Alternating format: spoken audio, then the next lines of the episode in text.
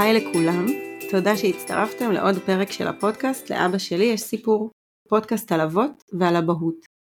אני חני גיטליס, עובדת סוציאלית קלינית, מנחת קבוצות, מתמחה בטיפול בגברים ובאבות. בכל פרק אעסוק כאן בנושאים שמעניינים אבות, ואארח אבא שיספר את הסיפור שלו בגוף ראשון. הפרק הנוכחי הוא המשך של סדרת פרקים, במסגרתה אני מקיימת שיחות עם אבות שגויסו למלחמה וחזרו מתקופת מילואים ממושכת. הפעם אני מארחת לשיחה אישית את אלעד חמיאל, נשוי ואב לארבעה, קרימינולוג קליני ומנחה קבוצות וסדנאות למתבגרים והורים למתבגרים. ב-7 לאוקטובר אלעד גויס בצו 8, עזב את הבית, אשתו, הילדים, את העסק העצמאי שלו, עלה על מדים ויצא למה שהפך להיות 110 ימי מילואים.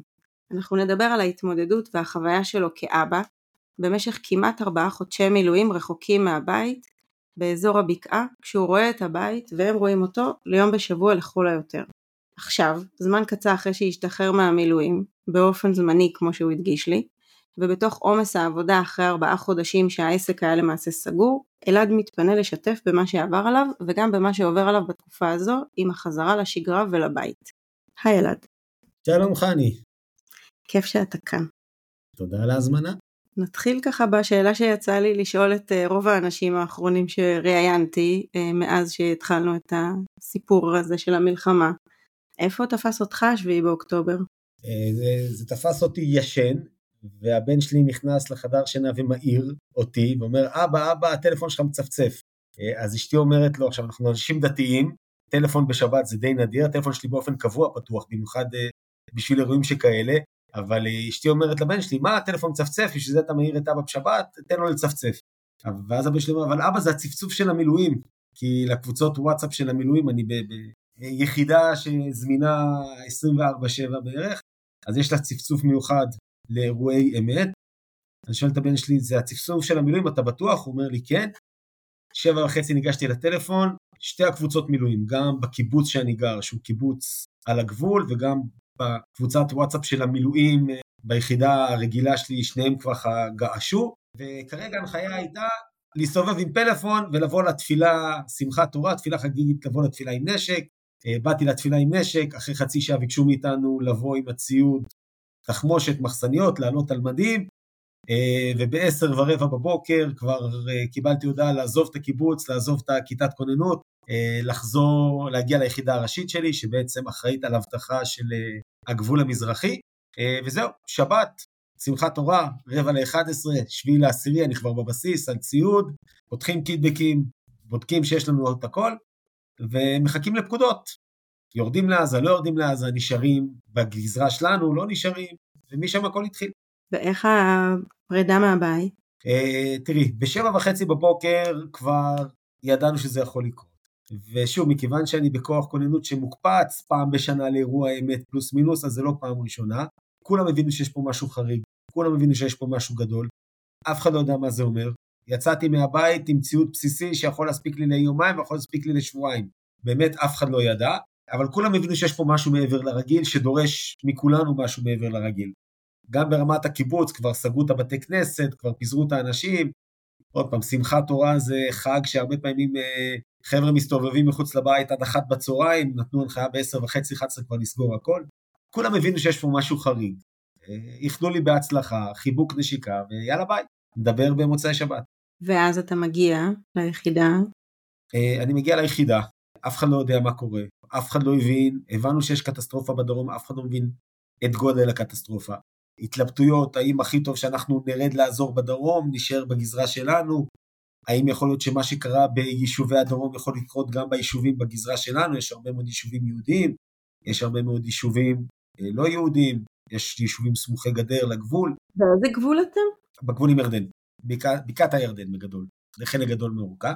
אני, אני מקבל איזושהי משימה שבעצם הופכת להיות הבית שלי לכמעט חודשיים הבאים, של להצטרף לחטיבה המרכזית, שבעצם היא זאת אחראית על ההפעלה שלנו, ומשם בעצם החיים מתחלקים למשמרות ולהפעלות, אה, וסוג של שגרת אה, מלחמה, של אה, לפחות בימים הראשונים מעט מאוד שינה, מעט מאוד אכילה מסודרת, הרבה מאוד הקפצות, הרבה מאוד כוננויות, ולאט לאט שוב מגבשים לעצמנו איזושהי משימות, איזשהם שגרה, איזשהם הפעלות, וככה הזמן עובר. מה קורה בזמן הזה בקשר עם הבית? תראי, אז קודם כל, להבדיל מהרבה אנשים אחרים, אני הייתי זמין רוב הזמן, בסדר? לפחות ברמה הטלפונית. מצד שני, שוב, בימים הראשונים ודאי היה איזשהו כאוס. כאילו היה בית ספר, ואף אחד לא יודע מה יהיה. ואשתי עובדת בהדרכת טיולים ובתיירות, וגם שם העבודה ממאה ירדה לאפס. אז יש הרבה מאוד סימני שאלה. עכשיו, לא, לא רק זה שיש הרבה מאוד סימני שאלה, גם הרבה פעמים יש הרבה מאוד uh, חוסר אונים. כי מה קורה כשיש בעיות בבית, מה קורה לפעמים כשצריכים אותי ואני לא זמין, מה קורה שכשעד שאני כן בא הביתה, הרבה פעמים אני בא הביתה, חיבוק נשיקה לילדים וישר קופץ למיטה ככה להשלים שעות שינה. אני חושב שאחד הרגשות הבולטים שיש בתקופה הזאת זה הרבה מאוד תסכול. כי לא משנה מה, מה אתה עושה, שוב, זה לא כמו שאתה רוצה ולא כמו שהילדים רוצים ולא כמו שבת הזוג רוצה. הרבה מאוד חוסר אונים, גם קצת תחושות של פחד, שוב, לא יודע כמה, כמה זה היה בולט, לא יודע כמה באמת אשתי והילדים הרגישו את זה, לא יודע עד כמה הם שיתפו אותי גם כשהיה, אבל בסופו של דבר אנחנו מצד אחד כיחידה צבאית אתה מאוד בטוח בעצמך, בתפקיד, בצדקת הדרך, אה, מצד שני בסופו של דבר הילדים בבית מפחדים ו- ומודאגים אה, ואין בית ספר מסודר כל כך, ושוב, ואתה הכל בשלט רחוק, לפעמים יש דברים שאתה יכול לעזור, לפעמים יש דברים שלא. אני אומר, הרבה פעמים זה, זה מכניס המון תסכול לתחושות, אבל משתדלים להסתדר עם מה שאפשר. אתה זוכר איזשהו ככה סיפור כזה, שהיית מתוסכל מההתנהלות הזאת בשלט רחוק? תראי, יש המון, זה לא, את יודעת, כל דבר קטן, אה, שוב, מספיק שחסר איזה משהו, איזה תור לרופא, כל הילדים בבית, יש לנו ארבעה ילדים בטווח של בין 8 אה, ל-16. אה, למי אתה מקדיש יותר תשומת לב, מי יותר צריך אותך, מי... אה, זה לפעמים, עוד פעם, הילדים סוף סוף יש ככה קצת זמן לדבר, מישהו מתחיל לספר משהו שחשוב לו, שמעסיק אותו, ובדיוק אז יש איזושהי הקפצה, איזשהו אירוע שמתפתח, אתה צריך לעצור אותם באמצע משפט, באמצע סיפור, זה דברים ש, שקורים, כל מי שהיה פעם במילואים חווה משהו דומה או מכיר משהו דומה, אבל, אבל עוד פעם, האינטנסיביות, הפער, הקושי, זה שזה לאורך זמן, שזה שזה הרבה פעמים, בסופו של דבר זה שוחק הרבה יותר מאשר אה, מילואים של שלושה שבועות פעם בשנתיים וזהו.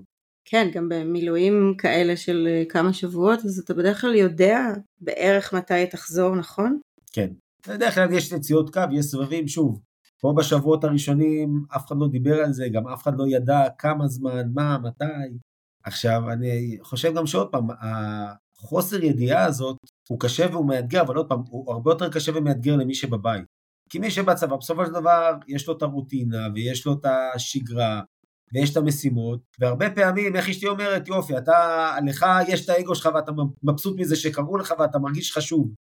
אבל בסופו של דבר פה בבית זה לשטוף כלים, ומקלחות, ולזרוק את הזבל, ואף אחד לא נותן לך צל"ש, ואף אחד לא נותן לך מדליה, וזה המון המון התעסקות סיזיפית ומעצבנת שגם ככה ביום יום אנחנו לא אוהבים לשטוף כלים ב-10 בלילה ולתלות כביסה ב-11 בלילה וזה.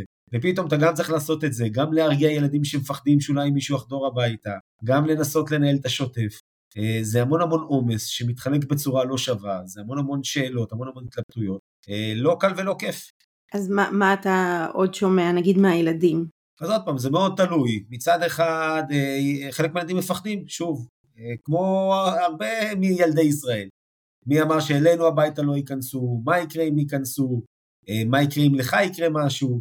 אה, ושוב, אחרי, ה... אני חושב שאחד מהמשברים הכי גדולים שהיו לנו באמת בהתקפה הזאת, שאתה לא יכול להגיד לילדים, אל תדאגו, זה לא יקרה. אף אחד לא יכול להתחייב לזה אחרי הטירוף ואחרי כל מה שלא חשבנו שיקרה וכן קרה. אבל באיזשהו מקום זה כן למצוא את העוגנים, כן לבוא ולנסות להתחייב שביום זה אה, פחות או יותר אני אגיע, או שבשעה זאת אני כן אתקשר, או כן לייצר שגרה. אה, באיזשהו מקום אולי אנשים יכעסו עליי, אני חושב שבאיזשהו מקום ככה הקורונה עשתה לנו איזושהי הכנה טובה אה, של התמודדות עם חוסר אה, שגרה. כמו ששם ניסינו לעשות איזה שהם עוגנים, כמו ששם ניסינו לגייס קרובי משפחה שיוכלו לעזור לנו, כמו ששם ניסינו להרחיב מעגלי תמיכה בקהילה, בשכנים, במשפחה, אז את אותו דבר עשינו גם כאן. וניסינו כן. באמת לנסות להבין מי יכול לעזור לנו ואיך יכול לעזור לנו ומה, איך אנחנו יכולים ככה להיעזר. ובאיזשהו מקום זה גם מה שעזר גם, גם למי שרחוק וגם למי שקרוב, כי הוא יודע שיש יש גיבוי, יש על מי לסמוך. אני חושבת שהקורונה היא ההשוואה המיידית של הרבה אנשים בתקופה הזאת. זאת אומרת, משהו בעצירה הפתאומית של החיים בהרבה מובנים. ברור שב... אלף אלפי הבדלות, אבל בהחלט היה הרבה דומה. אני חושב שזה גם העצירה, אבל גם החוסר אונים, וגם הפחד, וגם הסכנה המוחשית.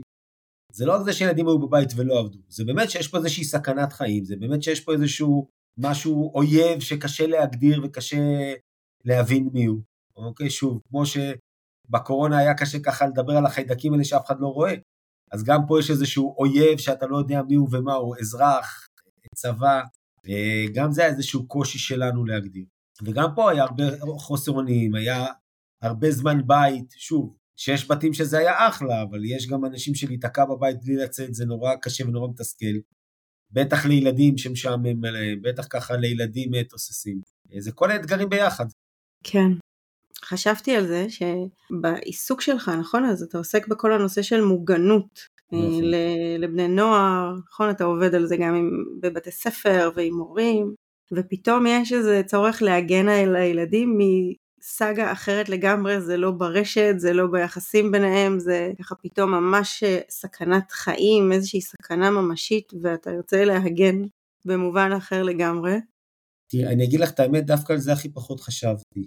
בסופו של דבר, ועוד פעם, יכול להיות שיש אבות שקשה להם עם זה, יכול להיות שיש אנשים שקשה להם, בסופו של דבר כשאתה במלחמה, הקשב שלך מאוד מאוד ממוקד במשימה שלך. גם כי זו משימה חשובה, גם כי אתה רוצה לשמור על החיים שלך ועל הסביבה. אה, אני יודע שהיו לי הרבה מאוד, אה, קראתי הרבה מאוד כתבות שאנשים שפרסמו על מוגנות בתקופה הזאת ועל משפחות בבתי מלון ומפונים וכל מיני דברים שכאלה, ואנשים גם שאלו אותי, רגע אלעד, למה אתה לא כותב על זה? למה אתה לא נותן את האינפוט המקצועי שלך בהקשר? אני פשוט לא הייתי שם. אה, באיזשהו שלב הרואה חשבון שלי אמר לי, אלעד, לא שלחת לי דוח הכנסות של נובמבר.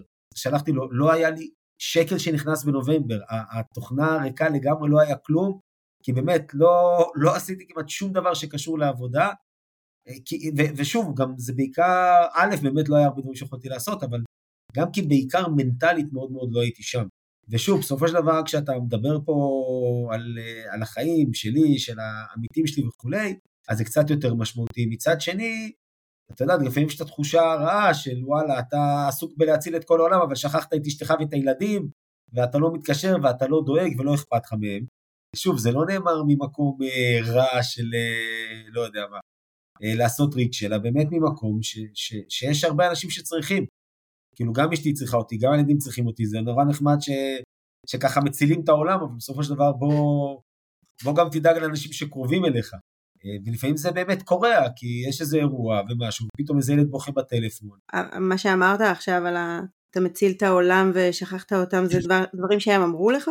עוד פעם, לא חושב שהם יוכלו לבטא את זה הרבה, לפעמים אבל זה, זה יצא ככה, שוב, ברמיזות או בצורה יותר מעודנת מצד אה, אשתי, לפעמים באמת, כאילו, גם על ידי או אבא, אנחנו רוצים לדבר איתך, אנחנו באמצע משהו.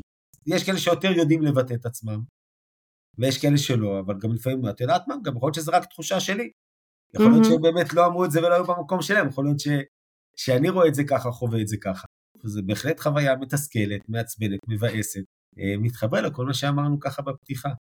שמעתי אנשים מדברים על המעברים האלה ככה בין הבית לשטח, שהם לא פשוטים, כאילו למרות שרוצים לחזור, אבל שיש משהו לא פשוט במעבר הזה.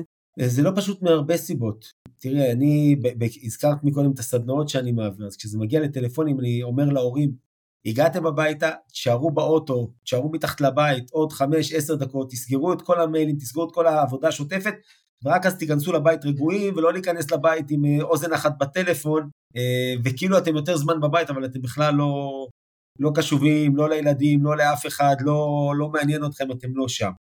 עכשיו גם פה, שוב, מצד אחד רוצים שתהיה בבית כמה שיותר, מצד שני לפעמים אתה, אתה לוקח את העבודה הביתה, מה שנקרא, וזה לא עבודה שאפשר להשאיר מאחורה. לפעמים, גם עוד פעם, המעבר הוא קשה מנטלית. אה, אחד המשפטים שאני הכי זוכר אה, מהצבא, מה שנקרא, היה לי מפקד ככה בטירונות, שוב, עברו עשרים וכמה שנה מאז, אבל הוא תמיד אמר, אומר, אין, אין סליחות בצבא, אין בבקשה בצבא. עושים את מה שאומרים לך וזהו, אתה לא, אתה לא מבקש, אתה לא פה, אתה לא שם, גם אל תגיד לי תודה על דברים שעשיתי בשביל אותך, זה לא רלוונטי.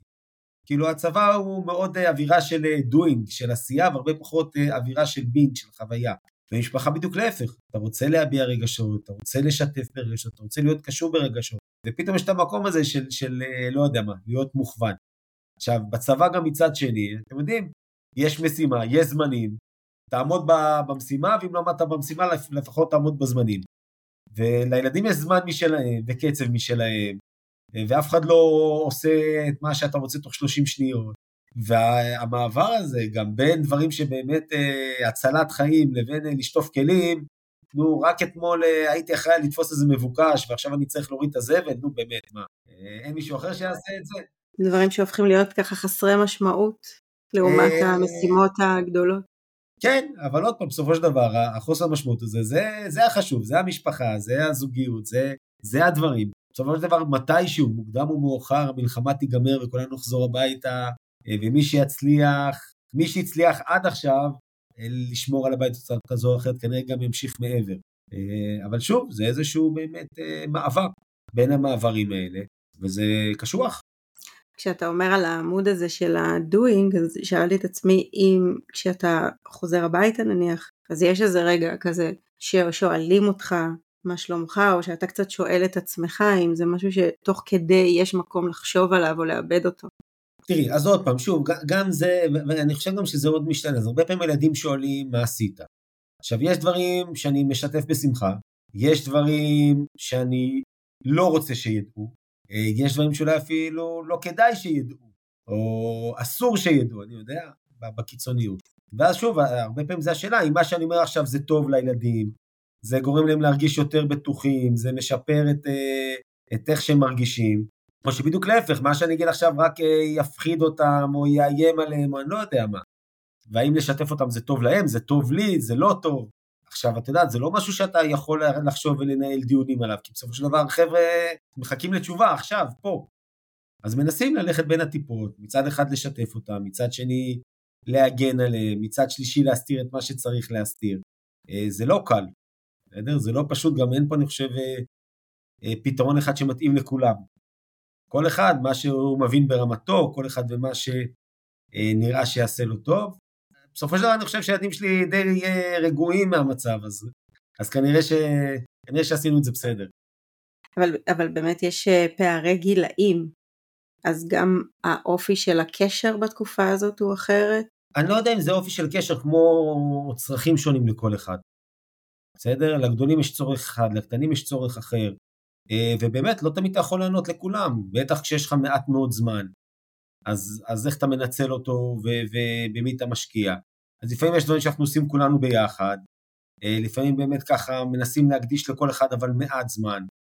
אה, שוב, זה, זה סוג של juggling, מה אני אגיד לך? יצא בתקופה הזאת גם נגיד בלהיות בזמן אחד על אחד כזה עם ילד או... כן. יצא, אבל עוד פעם, לקח הרבה זמן עד, ש... עד שהגענו לזה. אה, שוב, זה כשהיה קצת יותר חופש וכשהיה אפשר לתכנן קצת יותר מראש, וכשהיה איזושהי שגרה קצת יותר אה, שגרתית, אז מצאנו את הממשקים האלה. אה, אבל עוד פעם, זה, זה המון עבודה. זה ממש להתאמץ וזה. ומעבר לזה זה גם דורש מאיתנו המון המון סבלנות, כי שוב, לפעמים אני רק רוצה הביתה, להגיע הביתה, להרים ראש, מקלחת, להיכנס למיטה, ביני לבין המקלחת מפרידים ילד אחד, שתיים, שלושה, ארבעה שנורא רוצים. כן, זה באמת חוויה מאתגרת לאבות במילואים, כי החזרה הביתה היא לא לאיזה זמן שהוא רק מנוחה והפסקה. זה אתגר בשלושה ממדים, זה אתגר בממד האישי, איפה אני דואג לעצמי, לישון טוב, לאכול טוב, לנוח טוב, להתקלח טוב. אתגר משפחתי, איך אני באמת נותן לילדים את מה שהם צריכים, שיהיה להם גם אבא, שיהיה להם ככה את תשומת הלב החשובה שלהם מאבא. ולא פחות מזה, ושוב, זה, זה לאו דווקא מתכתב ישירות עם הפודקאסט שלך, אבל גם זמן זוגי. Mm-hmm. כאילו, באתי, דאגתי לעצמי, דאגתי לילדים, מה עם הזוגיות? ושוב, וגם פה, האישה עבדה מאוד קשה בתקופה הזאת, כי היא עבדה לבד עם הילדים. גם לה היו את הקשיים שלה, היא החזיקה את כל זה לבד. זה, זה הכל ככה, שוב, איזשהו juggling בלתי נגמר של כל ה... של הכל ביחד. מנסים לעשות את הכי טוב שאפשר. שאת החוויה הזאת של ה juggling אתה מקבל במנה מרוכזת כשאתה חוזר. זה פחות החוויה כשאתה נמצא שם נגיד. כן, עוד פעם, תראי, כשאני נמצא שם גם אני הרבה פחות זמין, גם אני הרבה פחות קשוב, וגם עוד פעם, ואמרתי את זה, אני הרבה פחות אה, מפוקס בזה. כשאני שם זה, זה מלחמה, זה שוב, לא שאני הייתי באיזושהי סכנת מוות באופן ישיר במשימות שלי, אבל, אבל זה כן אחריות, זה כן לדאוג לאחרים, זה כן, כן יש שם איזשהו משקל על, ה, על הכתפיים עדיין. ויש איתך ככה ביחידה גם עוד אבות?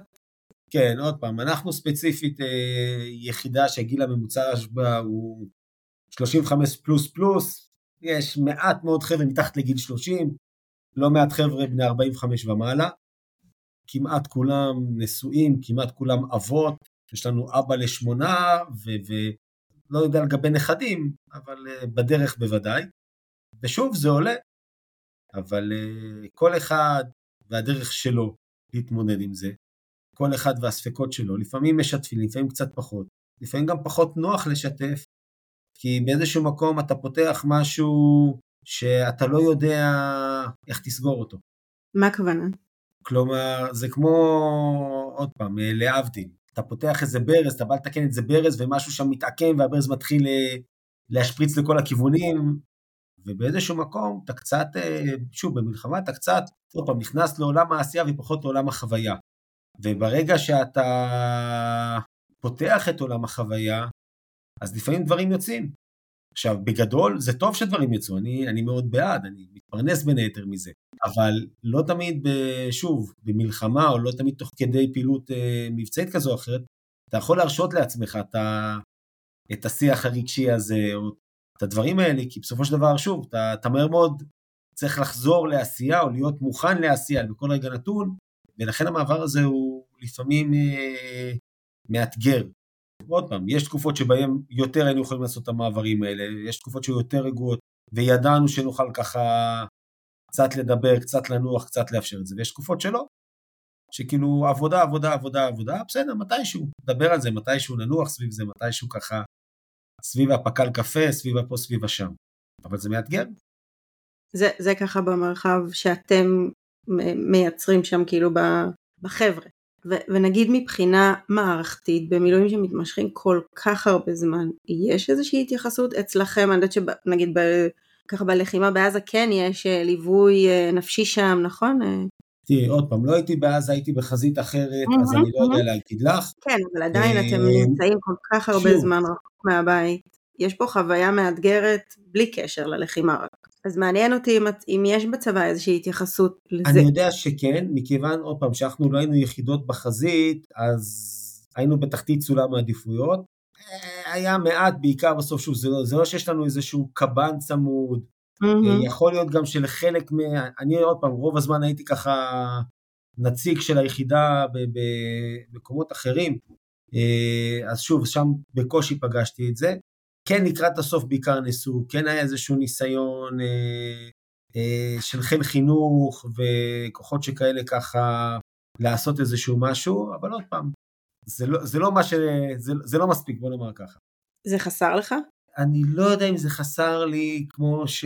אני חושב שתראי, לי זה לא חסר עוד פעם, כי אני גם בתור איש מקצוע וגם בתור בוגר של לבנון השנייה ושל האינתיפאדה השנייה ושל דברים כאלה, גם יודע לייצר את המרחבים האלה לעצמי. אה, לגבי חבר'ה אחרים, זו שאלה. בואי נדבר ככה בעוד שנה ונראה איפה אנשים יהיו. בלבנון השנייה עוד לא היית אבא, נכון? לא, הייתי נשוי טרי, היינו זוג צעיר. אה, שבוע לפני שטסנו לאיזה טיול אה, זוגי של חודשיים בחו"ל, הוקפצתי, הייתי כבר אז מילואימניק, לא על תקן של הורה. אז בעצם זו פעם ראשונה שאתה יוצא ככה למלחמה? למלחמה, כן. כאבא. ולגבי החזרה, ככה מתי ידעת שאתה אמור להשתחרר? איזה התראה הייתה לך? כמו בהרבה דברים, אה, זה לא נגמר עד שזה נגמר, ושוב, נתנו תאריך ודחו בשבוע, ונתנו תאריך ודחו בשבועיים, אה, ובסוף ככה כבר היה קצת מגומגם, של יום בבית, שלושה ימים בצבא, חצי יום בבית, יומיים בצבא, אה, נתנו לנו משימה, אז היינו צריכים לחזור להתארגן, ואז דחו את המשימה, קצת בלאגן. אה, מה שכן ייאמר לזכות צה"ל, שלפחות אנחנו באמת קיבלנו ככה, אני חושב יותר משבוע אפילו, של כאילו אתה, אתה במילואים ואתה לא אמור ללכת לעבודה וכאילו יש לך זמן פנוי, אבל uh, מצד שני כאילו אתה בבית, ימי הסתגלות, ימי הסתגלות, לא יודע, התרגלות, נתנו לזה כל מיני שמות, לא? כן, משהו כזה, נתנו לזה כל מיני שמות מאוד יפים. אה, אבל יש בזה משהו מאוד מאוד חכם, שכאילו לתת לך את הזמן, גם להיות עם המשפחה, גם קצת להתאפס על עצמך, גם קצת להבין מי נגד מי, מה, איך, כמה ולמה, לפני שחוזרים ככה לטירוף הרגיל של החיים. אה, וזה באמת, היה לנו קצת זמן לטיול. אה, אני חושב שחודש לפני סוף המלחמה, נראה לי שזה היה חודש, עוד פעם, לוחות הזמנים קצת זה, פשוט ביקשתי 24 שעות, בלי טלפונים, בלי הקפצות, בלי כלום, ממש הודעתי למפקד שלי, אם זה לא באמת עכשיו הסורים על הגדרות, מה שנקרא, אה, אל תתקשרו, הקפצתי את אבא שלי, אה, ויצאנו ל-24 שעות ככה, 20 שעות, באיזו חופשה זוגית, באמת, סגרנו הכל מעכשיו לעכשיו, בלי להיות יותר מדי בררנים, בלי לבחור יותר מדי מקומות, איפה שיכלו ככה לקבל אותנו, והיה לנו ככה איזה מקום נחמד לטייל, ומקום נחמד לאכול ליד, אה, עשינו את זה, ככה ממש אחרי איזה חודשיים, ושוב, זה היה מאוד מאוד משמעותי, זה היה מאוד מאוד uh, טוב. עכשיו עוד פעם, יכולתי לבוא ולהסתכל על זה, וואי, איזה באסה, הילדים בלעדיי ל-24 שעות. Uh, מצד שני, הם היו עם סבא שהם מאוד אוהבים, לא חושב שזה הפריע להם. Uh, ובנוסף, עוד פעם, זה, זה גם איזשהו משהו שטען גם אותי, גם את אשתי, בסופו של דבר זה uh, ירידה לצורך עלייה, מה שנקרא. כן, זה גם עובר לילדים אחר כך. כן, כן, ו- ושוב, ומצד שני גם באמת צריך סבא ש, שיכול להגיע, וצריך את המעטפת שיכולה באמת לאפשר את זה, כי אחרת באמת זה לא, לא היה עוזר לנו. קיבלתם את ההודעה שאתם משתחררים, אמרת זה לא קורה עד שזה לא קורה, אבל הנה זה קרה, נכון? מתי זה היה? לפני כמה זמן? פורמלית השתחררנו באמצע אמצע ינואר, כבר מתחילת ינואר היה דיבורים, אבל עוד פעם, הייתה אמורה להיות לנו איזו פעילות אחת מאוד מאוד גדולה, מאוד מאוד משמעותית, שנערכנו כמעט שבוע לכבודה, אה, ואז דחו אותה, ואז פה עוד יום, פה עוד יומיים, בסדר, בסופו של דבר, אה, ממש ככה בתחילת ינואר התחלנו את החופשת ההסתגלות הזאת, ובאמצע ינואר השתחררנו סופית. אז בעצם משהו כמו חמישה שבועות ככה אתה די בבית. כן. ואמרת לי גם שכבר עוד הספקת לעשות עוד אימון מאז. אה, כן, החליטו ששלושה חודשים קו זה נחמד, אבל זה לא מספיק, אז אה, הקפיצו אותנו לעוד איזה אה, יום וחצי של אימון, כי רצו לבדוק, רצו לבדוק משהו אחר והקפיצו אותנו מאז. קודם כל, אני חושב שהשגרה הזאת תהיה שגרה של הרבה אבות. כלומר, אני מכיר חבר'ה שסיימו מילואים, שוב, ממש לאחרונה, אבל כבר יודעים שבעוד חודשיים שלושה הם חוזרים עוד פעם, או יודעים שהם חוזרים עוד פעם בעוד, בעוד חמישה שבועות או משהו כזה, חמישה חודשים, סליחה. כלומר, יהיו הרבה מאוד אבות שהם על הקו. אה, אני אגיד לך את האמת, אני בעיקר כואב לי בשביל העצמאים בחבורה, כי בתור עצמאי זה נורא נורא קשה ומאתגר יותר מכל דבר אחר. אה, אבל אני חושב שזאת תהיה השגרה אה, של הרבה מאוד אנשי מילואים, שוב, של ללכת, לחזור, ללכת, לחזור, לא באמת יודעים מה, איך, כמה ולמה. ובתוך זה עוד פעם, חוסר ודאות, מתי יקראו לי עוד פעם, חוסר ודאות מה יהיה בהמשך, אלו יהיו חיינו בתקופה הקרובה.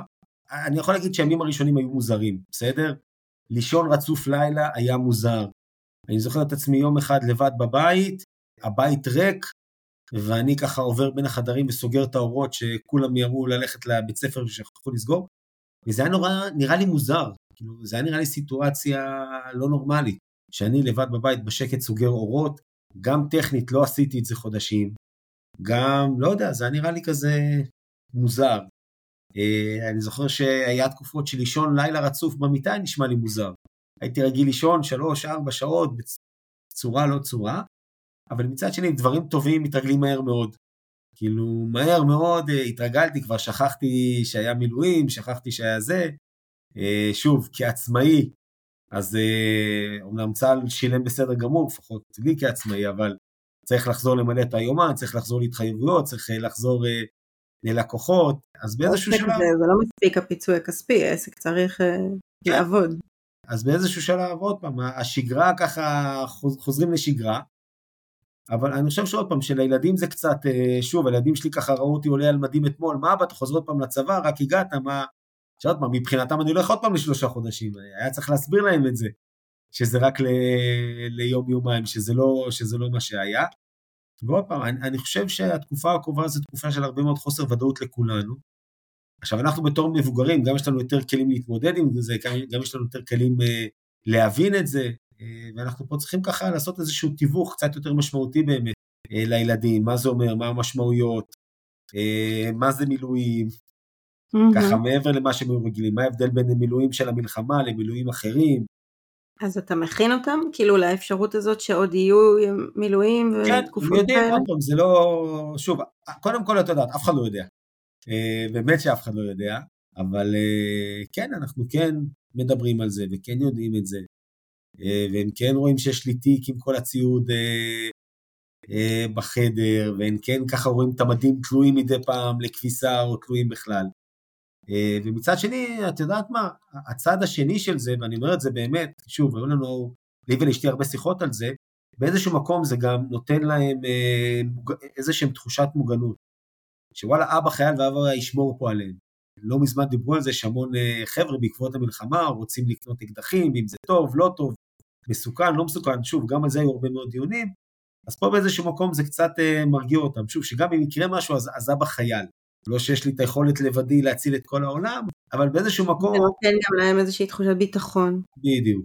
אני חושב שגם להם זה, זה מרגיע באיזשהו מקום. אז זה, זה היתרון של זה מהצד השני. איך היה להם החזרה הזאת, נגיד הימים האלה הראשונים? איך הם היו, איך, איך אתה, מה שמת לב? אה, קודם כל שמתי לב שלחלקם היה מאוד קשה בלעדיי.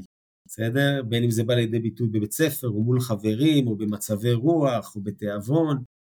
אה, שוב, בסופו של דבר, גם לקחו להם קצת את השגרה, גם לקחו להם את אבא, גם הם היו חשופים לדאגות. אה, אז היה פה איזשהו חוסר שקט. שוב, שהוא נורמלי וטבעי והגיוני, אבל עדיין זה חוסר שקט ש... שהוא לא כיף.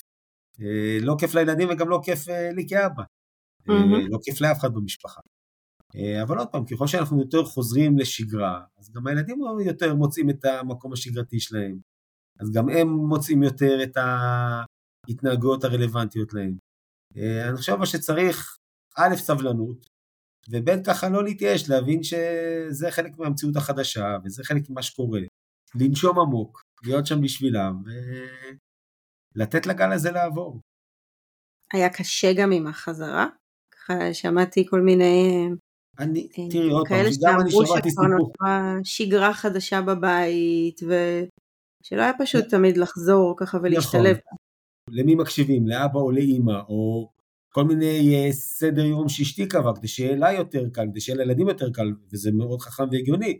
אבל פתאום אני לא מכיר את הסדר יום הזה, או שאני לא עושה את מה שאני אמור לעשות לפי הסדר יום. או עוד פעם, שוב, לפעמים ככה יש ניסיון או איזושהי תחושה שאני מביא את המשמעת הצבאית הביתה. אבל עוד פעם, הדברים האלה זה באמת עניין של כמה ימים עד שמתאפסים על עצמם. שוב, בסופו של דבר, כל מילואימניק הוא, הוא חייל והוא אזרח, ו, ושוב, כל מילואים זה התמודדויות דומות, זה לא התמודדויות רק של מלחמה. כן מלחמה לוקחת את זה לקיצון. כל מי שחזר מחמישה ימי אימון, או שלושה שבועות קו והיה צריך להתמודד עם זה בצורה כזו או אחרת, אז מצליחים. כן, אני חושבת שמלחמה היא קיצון גם בעצם המלחמה וכל מה שהיא מביאה איתה, אבל גם באמת כמעט ארבעה חודשים לא להיות חלק מהיום יום של הבית, זו תקופה מאוד מאוד ארוכה. נכון, אבל שוב, אני, אני כן ניסיתי להיות חלק מהיום יום, ודאי בטלפונים, ודאי בשיחות, לא אגיד שהצלחתי, לא ברמה שהחבר'ה רגילים אליה, אבל כן היה איזשהו ניסיון לשמור על איזשהו קשר, אה, וכן היה איזשהו דו-שיח ברמה כזו או אחרת, עוד פעם, לא לכולם זה אפשרי, בתפקיד שלי ספציפית זה כן יתאפשר. באמת יש משהו ככה מאוד, אה, כאילו שומעים בדברים שלך גם את החוויה הזאת שבסך הכל עם כל הקושי, כן היה פה גם משהו שאני מניחה שמוסיף לזה את זה שאתה היית בתחושה שאתה במקום שבו אתה צריך להיות ועשית, הרגשת בטוב עם מה שאתה עושה, זה דברים שבאמת מוסיפים לחוסן האישי וגם כנראה למה שעובר לבית, כי נשמע שאתה לא מאוד עסוק בכל החוויה המתסכלת. אתה מכיר בחלקים האלה, אבל החוויה לא צבועה באופן הזה. כן, א', כבר ידענו תקופות משבר, בין אם זה הקורונה, בין אם זה אירועים משפחתיים. דבר שני, אנחנו גם לא מנסים להפות את המציאות, כאילו היה קשה. אבל היה לגיטימה, לג, לגיטימציה לקושי, והיה מקום לקושי. אה, וגם אני חושב שאחד הדברים שהחזיקו אותנו, שהיה ברור לכולנו שלא משנה מה, זה זמני. חודש, חודשיים, יותר, פחות, שוב, בהתחלה אף אחד לא ידע מה, כמה. אני זוכר שאמרתי לאשתי, לאשתי, אחרי איזה חודש וחצי, תזמיני לנו כרטיסים לחופשה לפברואר. עד פברואר, אני לא יודע מה יהיה, אבל עד פברואר בטוח אני אוכל לקחת איזושהי חופשה של כמה ימים. עכשיו, לא משנה בסוף, לא, זה לא קרה. אה, אבל אנחנו מקווים בפורים, פחות או יותר, לעשות איזשהו משהו משפחתי. אה, שוב, מתוך באמת איזושהי תחושה של עוד פעם, שגם אם עכשיו קשה, וגם אם עכשיו לא רואים את הסוף, וגם אם עכשיו זה נראה כאילו ש, שלעולם לא ייגמר, ואף אחד לא יודע איך ייגמר ומה יהיה, אבל אנחנו כן אה, חושבים על היום שאחרי כבר, אנחנו כן מתכננים את היום שאחרי, ואנחנו כן, אה, ברור לנו שיהיה יום אחרי, אוקיי? ואנחנו כמשפחה נמשיך לתפקד, נמשיך אה, אה, להיפגש, נמשיך לעשות דברים, אה, ושוב, זה לא שהמילואים האלה יהיו לנצח, ולא ששום דבר לא ייגמר, אני לא יודע מה, דברים ייגמרו ודברים יעברו, ואנחנו ככה צריכים שיהיה לנו גם את, את התקווה שלנו, את האופטימיות שלנו, את מה שמחזיק אה, אותנו. אה, לנו זה עבד, מה אני אגיד? טוב שזה עבד. כן. לא, לא אתה... שהייתי רוצה לבדוק עוד, עוד 110 יום אם זה יעבוד עוד פעם, אבל, אבל שוב. אפשר להשאיר את זה כחוויה חד פעמית. לגמרי. מה אתה מייעץ למישהו שעכשיו בימים אלה מסיים את השירות שלו? תראי, קודם כל לזכור שזה יסתיים, בסדר? שוב, אני יודע שיהיו חבר'ה שהתגייסו איתנו, ורק היום אחרי כמעט 130 יום מתחילים לראות את הסוף. אני יודע שיש לי חברים שהתגייסו יחד איתי ועוד לא רואים את הסוף. כלומר, עוד אין להם תאריך, אבל שוב, מתישהו יהיה סוף, בסדר? זה ברור שלכולם יהיה סוף, בין אם זה יהיה אה, רענון, החלפה, לא יודע מה, בסופו של דבר יהיה סוף. אה, דבר שאמרתי את זה בהתחלה, זה לא קשור אה, דווקא לאבהות וזה לא קשור דווקא לזה, תייצרו לעצמכם מעגלי תמיכה. חברים טובים, משפחה, שכנים, שוב, כל אחד ויודע מי האנשים שיעשו לו טוב ומי האנשים שיכולים לעזור לו, למשפחה, אה, לא להתפדח, לבקש ארוחת ערב משכנה, אה, אם זה אפשרי, אני אומר דוגרי, לפעמים להזמין פיצה ב-100-200 שקל הביתה, זה יותר זול ויותר שווה מאשר טיפול פסיכולוגי. אז כשעייפים, שוב, לא הייתי עושה את זה כל יום, לא תזונתית ולא כלכלית, אבל לחסוך אנרגיה איפה שאפשר, ולנצל את זה לדברים ככה חשובים יותר. אבל שלא אה, תעביר מסר שללכת לטיפול זה לא טוב. אני ממש לא רוצה להעביר כזה מסר, אני רק אומר שוב, אה, טיפול זה מצוין, אבל אני אומר שוב, זה, זה שני רובדים שונים. אה, אגב, אם כבר שוקלים ללכת לטיפול, השאלה אם זה טיפול אישי, השאלה אם זה טיפול זוגי, השאלה אם זה טיפול משפחתי, כל אחד והזה שלו. אה, ושוב, לנסות, באמת באמת באמת לנסות לייצר איזשהו קשר. שוב, לייצר קשר עם המשפחה, לייצר קשר עם בת הזוג, לייצר קשר עם הילדים, ושוב, אה, אמרתי, זה לפעמים נורא מתסכל, שאתה מתחיל שיחה ונקטעת באמצע, להגיד לילדים, יש לי דקה לדבר איתכם. כי עוד שנייה קוראים לי, כי עוד שנייה קורה משהו, אל תיעלבו, אבל, אבל יש לי דקה, בוא נדבר דקה. בסדר? ובדקה הזאת, להיות איתם, להקשיב להם, כי דקה ועוד דקה ועוד דקה, אה, בסופו של דבר מצטבר, ולהם זה מאוד מאוד משמעותי. שאתה עושה כאילו את מה, ש... את מה שאתה יכול. כן, את מה שאתה יכול, ושוב, שהם ירגישו ש, שאתה שם בשבילם, גם אם לא בזמינות mm-hmm. הרגילה, גם אם לא בכמויות הרגילות, גם אם לא באיכות הרגילה, גם אם לא בקשב הרגיל, אבל עוד פעם, אבא פה, ולאבא חשוב לשמוע מה קורה איתך, אה, ואבא דואג לך, ושוב, כרגע, טכנית, אנחנו לא יכולים לדבר כרגיל, אבל, אבל עוד פעם, מתישהו זה ייגמר ונאכל. ו- ובחזרה, ככה לנחיתה יותר אה, רכה. קודם כל, אה, צריך לחזור שכמו שהמלחמה הזאת לא התחילה מ-0 ל-100, היא גם לא מסתיימת מ-0 ל-100, כאילו, אתה לא יכול לחזור הביתה, להוריד את המדים, להתקלח, נגמר. כאילו, זה לוקח זמן. לוקח לך זמן לחזור לשגרה, לוקח לילדים זמן אה, אה, לחזור אה, ולהבין מה, מי אתה ומה אתה ומה מצופה ממך. אה, זה לוקח זמן ברמה הזוגית, שוב, למצוא את המקום בתוך אה, מערך התפקידים הביתיים, וזה בסדר, זה נורמלי. Mm-hmm. כאילו, ו- ואם אתה צריך זמן ככה גם ללכת ל... לאיזה יום יומיים לשבת עם עצמך לברות מול הים, אמר לי פעם מישהו בצוק איתן או משהו כזה, שהוא כשהוא חזר מהמילואים, הוא פשוט התיישב על ארסל ובאה במשך שעות בשמיים. אה, אז נכון שכשיש לך ילדים לפעמים לבהות זה קצת פחות, אבל כשהם הולכים למסגרות, או כשיש זמן, שוב, לשבת עם עצמך, לא עם הראש בפלאפון, לא עם הראש במחשב ולנסות אה, להשלים את כל הפערים בעבודה, זה חשוב, זה, זה בסדר, עוד, עוד נגיע לשם, בסדר? עוד יהיה את הזמן לזה. בינתיים קח את הזמן לעצמך, קודם כל לעצמך, אחר כך לזוגיות, אחרי זה לילדים. שוב, הרבה פעמים אנחנו רצים לילדים לפני, לפני הזוגיות, לפני המקום שלנו, ואני אומר עוד פעם, אם אנחנו לא בסדר ואנחנו רצים לילדים, אז יהיה לנו הרבה יותר קשה לעשות להם בסדר.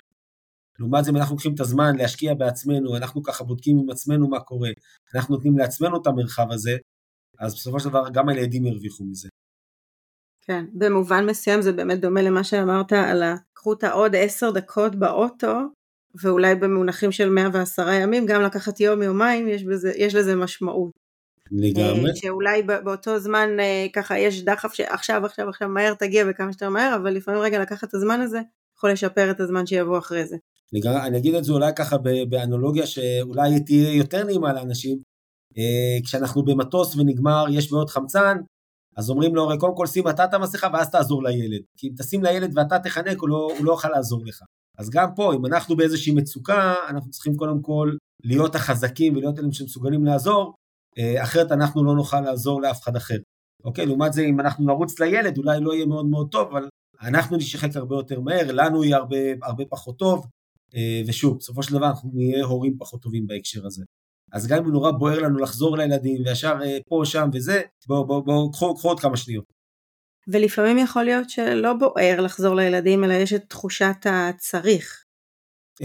זה נכון, ולפעמים באמת צריך, לפעמים באמת הם צריכים אותנו, בצדק, שוב, כי הם ילדים, אבל אני אומר, צריך גם לשמור על האיזון הזה, האיזון האישי, הזוגי, המשפחתי, אה, ושוב, לא להקריב אותנו, עוד פעם, הורות זה המון המון ויתורים, בסדר?